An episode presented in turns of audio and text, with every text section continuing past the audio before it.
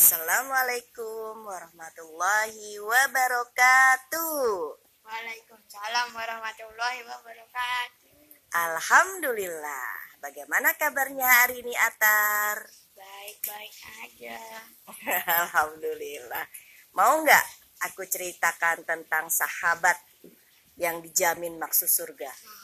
Mau? Mau lah, Mau banget apa mau sekali? mau banget. Oke. Kita mulai ya. Tolha bin Ubaidillah radhiyallahu an. Tolha adalah seorang pejuang yang hebat dan pengusaha yang pintar. Hartanya berlimpah ruah. Suatu kali, Tolha terlihat sedih. Kemudian istrinya menanyakan sebab kesedihannya. Aku sedih karena semakin hari harta kita semakin banyak. Sehingga menyusahkan dan menyempitkan hatiku. Masya Allah, Atar, Tolha, hartanya banyak, malah sedih. Kalau Atar bagaimana? Senang ya? Masya Allah.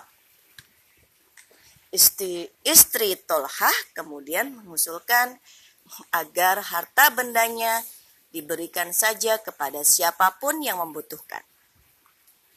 Tolha berdiri dan memanggil orang-orang untuk berkumpul di rumahnya.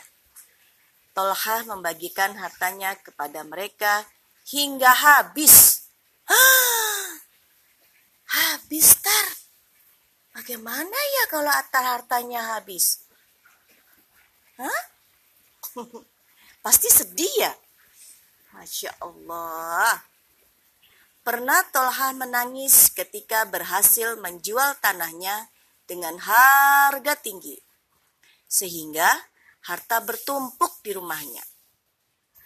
Sungguh, jika kita bermalam dengan harta sebanyak ini dan tidak tahu yang akan terjadi, pasti akan mengganggu ketentraman ibadah kepada Allah.